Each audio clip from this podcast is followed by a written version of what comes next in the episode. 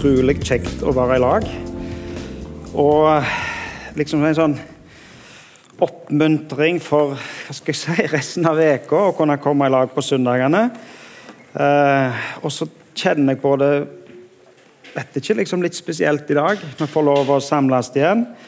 Eh, og så har møtet til nå vært ja, fantastisk. Og så sitter jeg og vet hva jeg skal si i talen min, og så går alt i samme tråden.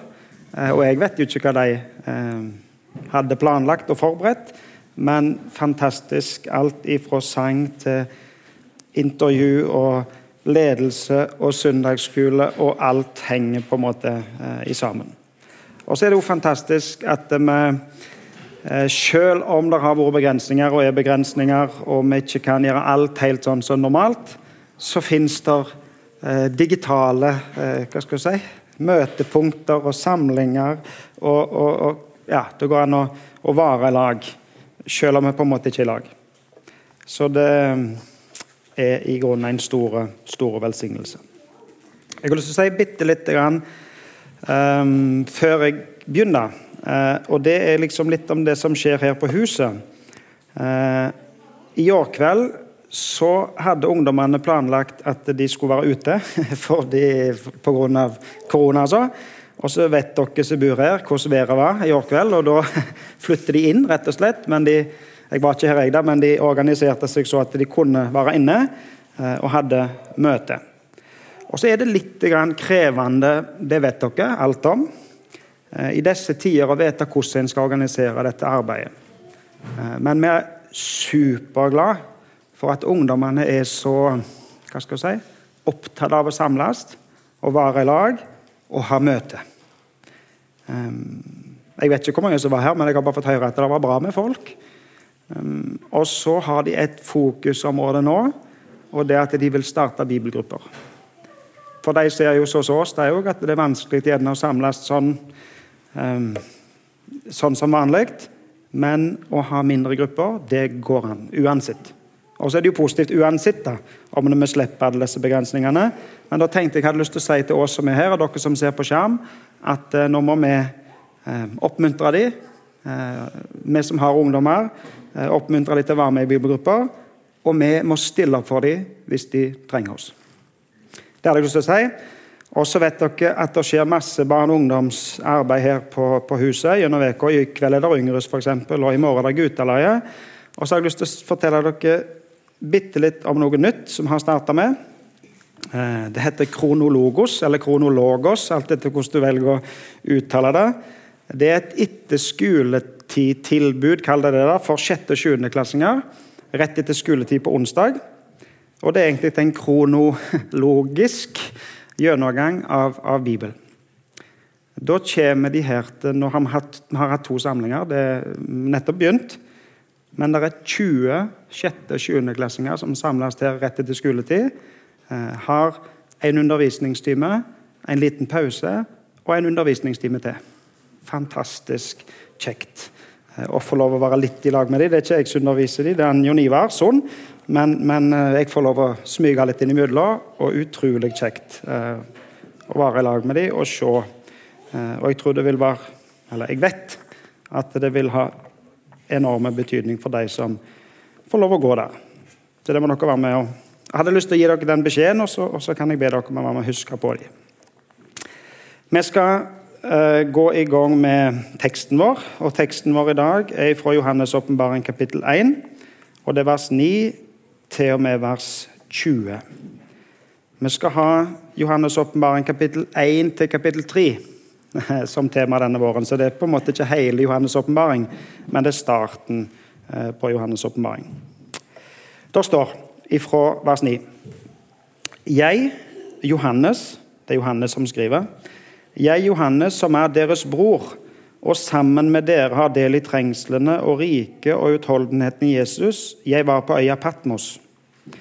Dit var jeg kommet på grunn av Guds ord, Guds ord og vitnesbyrd om Jesus. På Herrens dag kom Ånden over meg, og jeg hørte en røst bak meg, mektig som en basun. Røsten sa, Det du får se, skal du skrive i en bok og sende til de sju menighetene.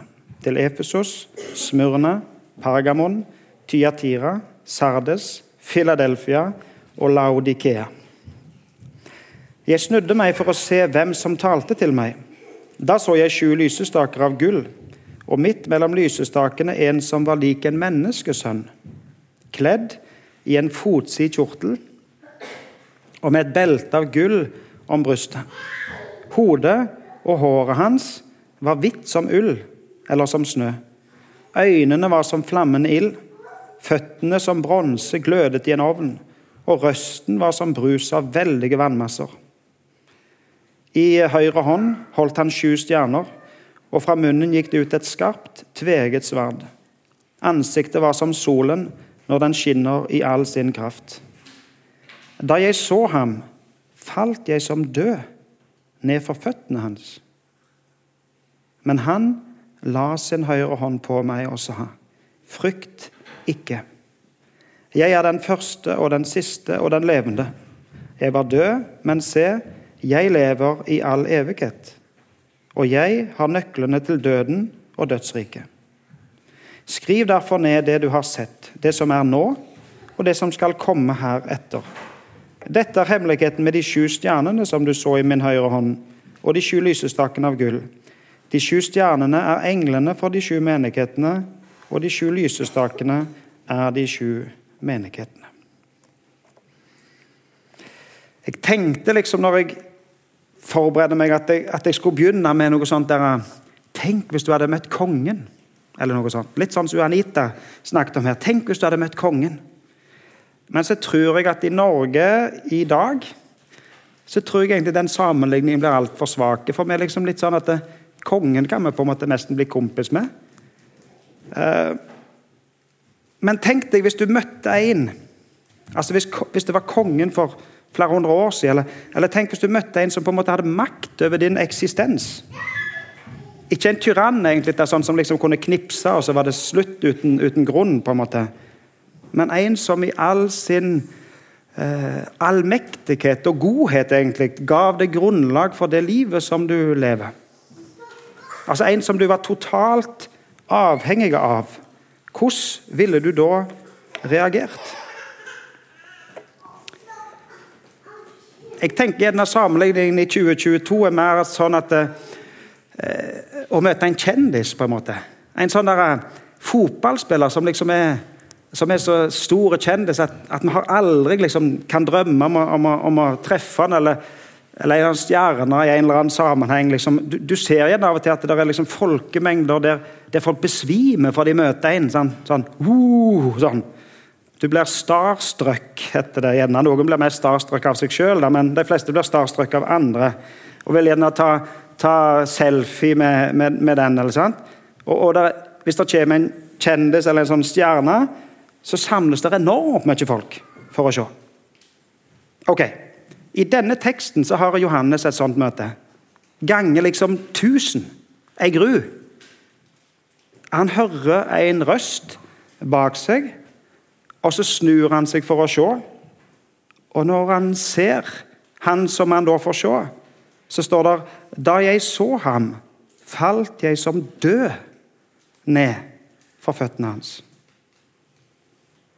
Og Flere plasser i Bibelen kan vi lese om mennesker som møter Gud. Um, kan lese om Moses for eksempel, i Gamle testamentet. Moses fikk ikke se Guds ansikt. Men selv om Moses ikke fikk se Guds ansikt, bare se han bakifra, så var Moses så prega av det møtet at det lyste av han når han møtte andre. Når Peter i Det nye testamentet forsto at det var Jesus han møtte, så sier han 'Gå fra meg, Jesus, for jeg er en syndig mann'. Peter forsto at han møtte Jesus. Gjeterne som vi hører om i juleevangeliet, som fikk, fikk se englene på marka, de ble redde. I ordspråket står det, det står flere plasser i ordspråket. Jeg har bare funnet én av plassene i, i, i kapittel 9 og vers 10. så står det å frykte Herren. Å frykte Herren er opphav til visdom. Og så er jo liksom frykt fry, Er frykt positivt, eller er frykt negativt? Og Jeg tenker at frykt er negativt.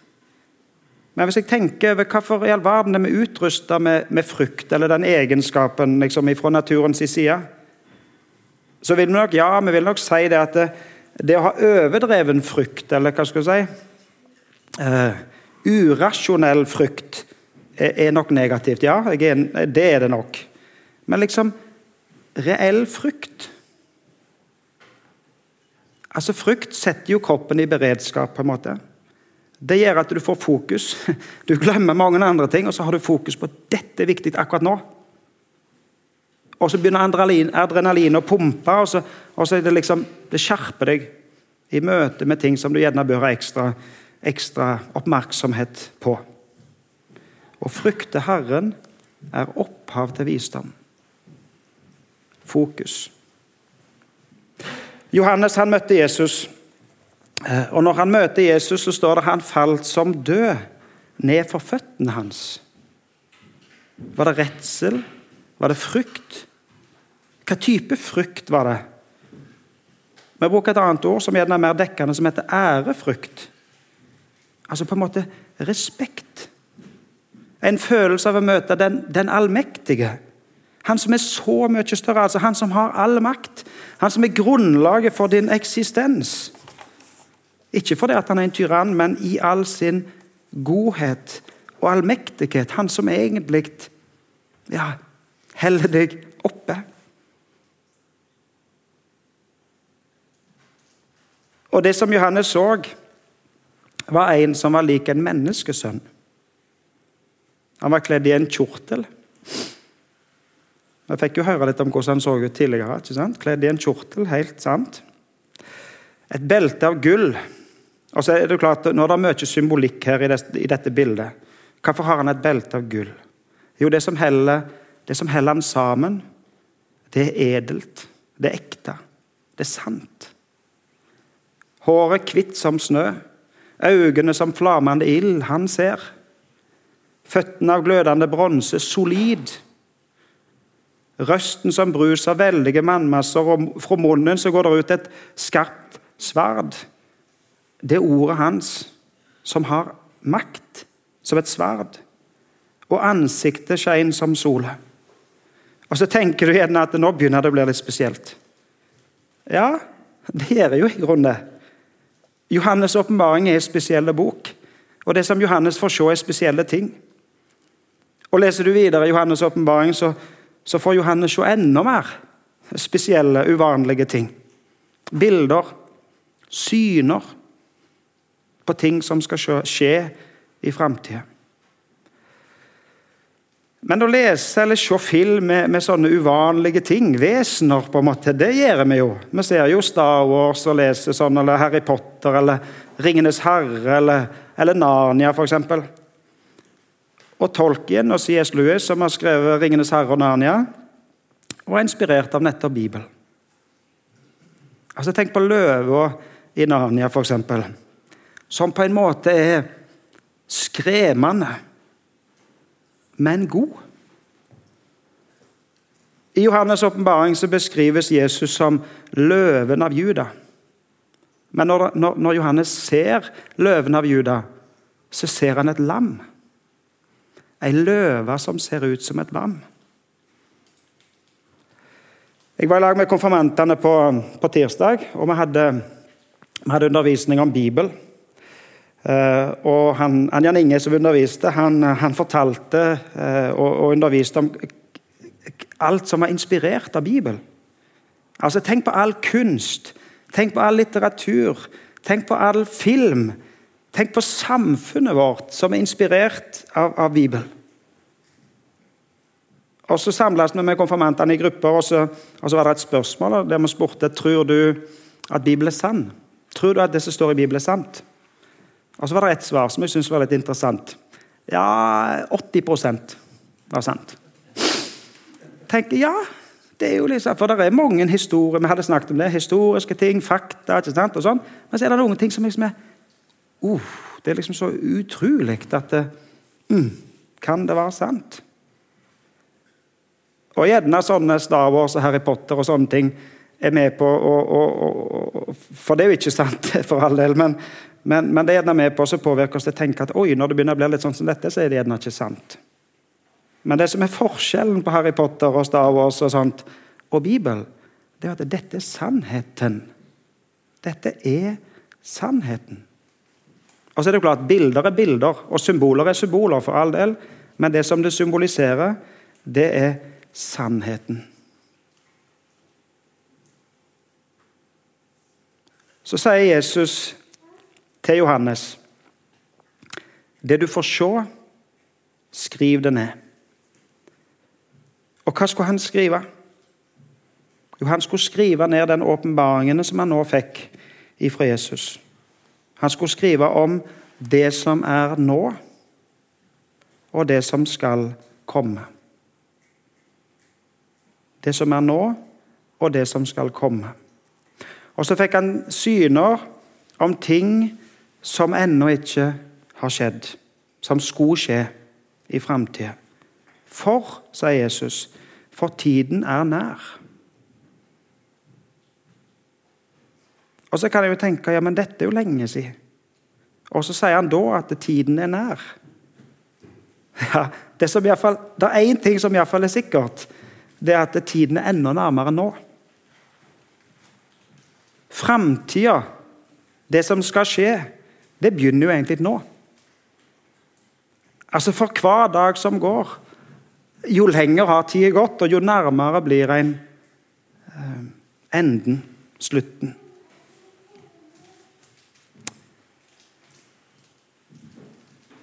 Johannes møtte dette, falt ned som død. Frykt, ærefrykt, respekt, kanskje. Men møtet med det som ikke kjenner, skaper egentlig noe av denne frykten eller usikkerheten. Og framtid er jo på en måte det vanskeligste av alt. Det er jo klart at det har ikke vært for framtid Eller hva skal jeg si? Framtid er jo en av det som gir oss mest eh, bekymringer og søvnløse netter. Men når Jesus møter Johannes, og når Jesus skal snakke med Johannes om framtida, så sier Jesus, 'Jeg var død, men se, jeg lever i all evighet. Og jeg har nøklene, kontrollen. Jeg har nøklene til døden og dødsriket. Jeg var død, men jeg lever. Og jeg lever i all evighet, sier Jesus.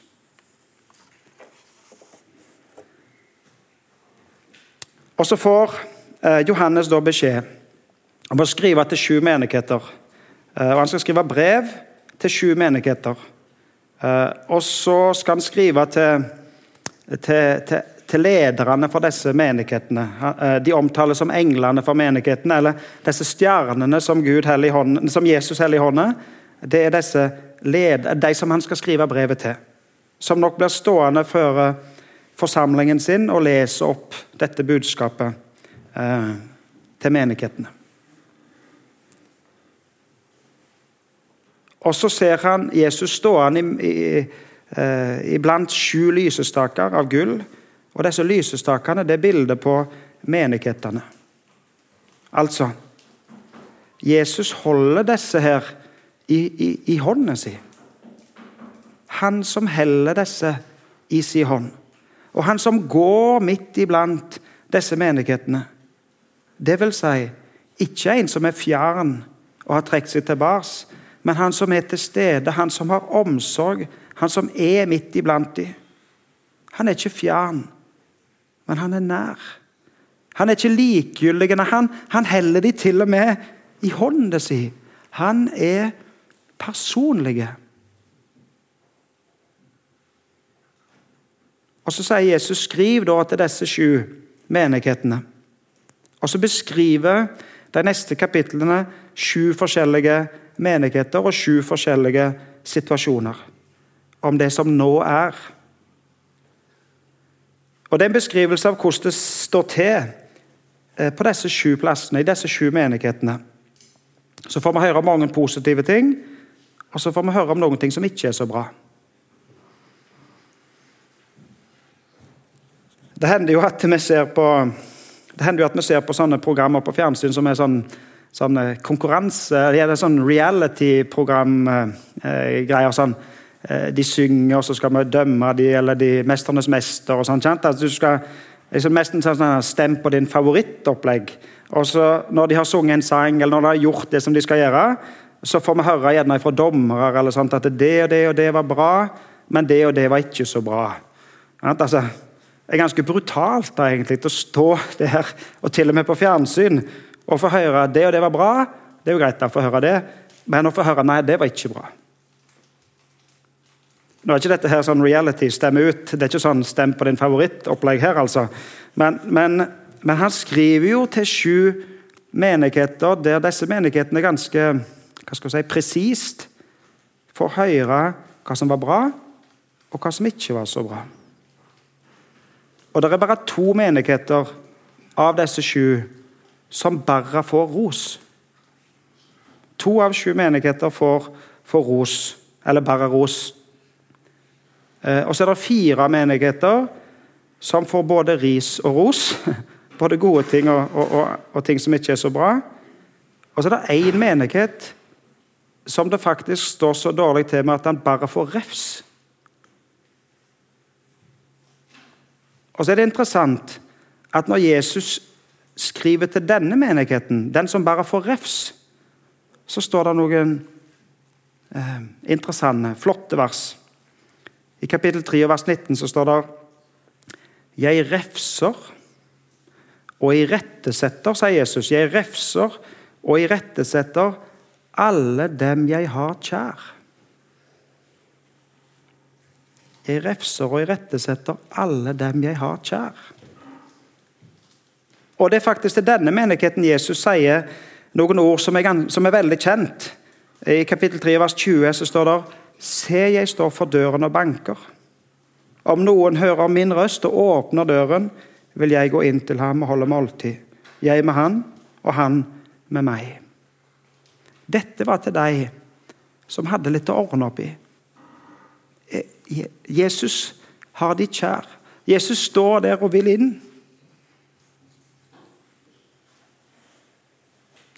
Man tror, man tror hva Jesus hadde skrevet til oss. Hva hadde han sagt om oss?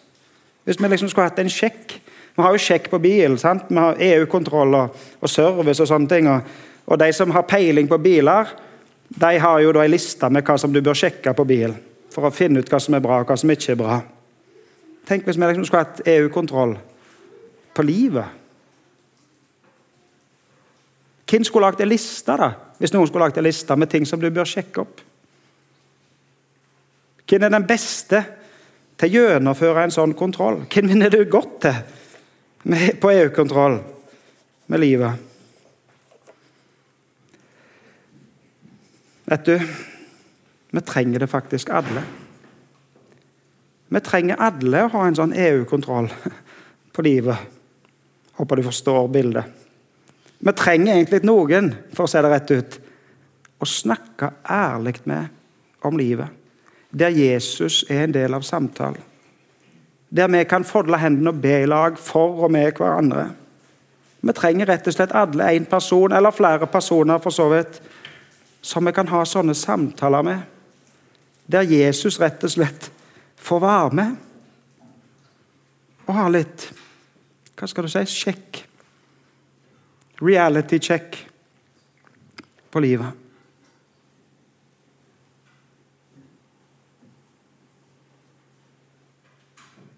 Det er folk her i forsamlingen som har sagt at uh, hvis det er noen som trenger det, så har de stilt seg villige til å være sånne samtalepartnere, medvandrere, forbedrere.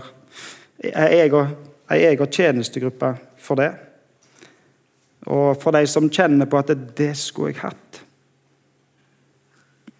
Må jo ikke ha deg, for all del. Du kan finne en person som du, som du har uh, god kontakt med og stole på og trygge på. og sånt, men, men, trenger du noen, så er det noen her som har sagt at ja. Og bundet seg til taushetsplikt og, og, og, og, ryddige forhold, for å si det sånn. Så det går an å ta kontakt. Det fins kontaktskjemaer på nettsida, eller det går an å ta kontakt med meg eller, eller de som du vet er med i forbønn- og veiledningstjenesten. Men, men, hva var det Jesus altså Hvis Jesus skulle skrevet til oss, da, hva hadde han sagt? Hva hadde han skrevet? Jeg er, jeg er helt sikker på én ting. At uansett hva den rapporten hadde sagt, uansett hva den rapporten hadde vist av feil og mangler, så hadde han sagt det som han sa til disse. Jeg har deg kjær. Altså, jeg elsker deg så høyt at jeg gav livet mitt for deg. Og så ville han sagt det samme som han, som han sa til Johannes. Altså, når, når, når, Johannes så Jesus sånn som vi har hørt, så falt han jo ned som død for føttene hans. Han hadde jo møtt Jesus før. egentlig, Johannes. Han hadde gått i lag med Jesus mens han gikk på jord. Og Jesus kalte seg selv for menneskesønnen, og nå så han menneskesønnen igjen. Med en kjortel, sånn som han vanligvis så Jesus den gangen. Men selv om han kjente han igjen, så var synet nå så mektig at Johannes falt som død ned for føttene for Jesus. Men hva gjør Jesus da? Jo, han strekker ut hånda si, og så legger han hånda på Johannes. Så reiser han han opp, og så sa han, 'Frykt ikke'. Det er jeg helt sikker på Jesus hadde sagt til oss. Det sier Jesus til oss. Uansett hva vår egen evaluering eller andres evaluering, eller uansett hva kontrollen måtte si, så sier Jesus, 'Frykt ikke'. I alt det som du møter nå, i alt det som du har det vanskelig med nå, i alt det som du bekymrer deg om for i framtida, så sier Jesus, 'Frykt ikke'. Til Johannes sa han, skal lese det ordrett. Til Johannes sa han, 'Frykt ikke, jeg er den første og den siste, og den levende.' 'Jeg var død, men se, jeg lever i all evighet.' 'Og jeg har nøklene til døden og dødsriket.' Frykt ikke. For den som kjenner Jesus, så er det ingen grunn til frykt. Ikke engang for det ukjente, ikke engang for framtida. For framtida er Jesus sine hender. Frykt ikke. Ta imot velsignelsen ifra Gud. Herren velsigne deg og bevare deg. Herren la sitt ansikt lyse over deg og være deg nådige. Herren løfter sitt åsyn på deg og gi deg av sin fred. I Jesu navn. Amen. Thank you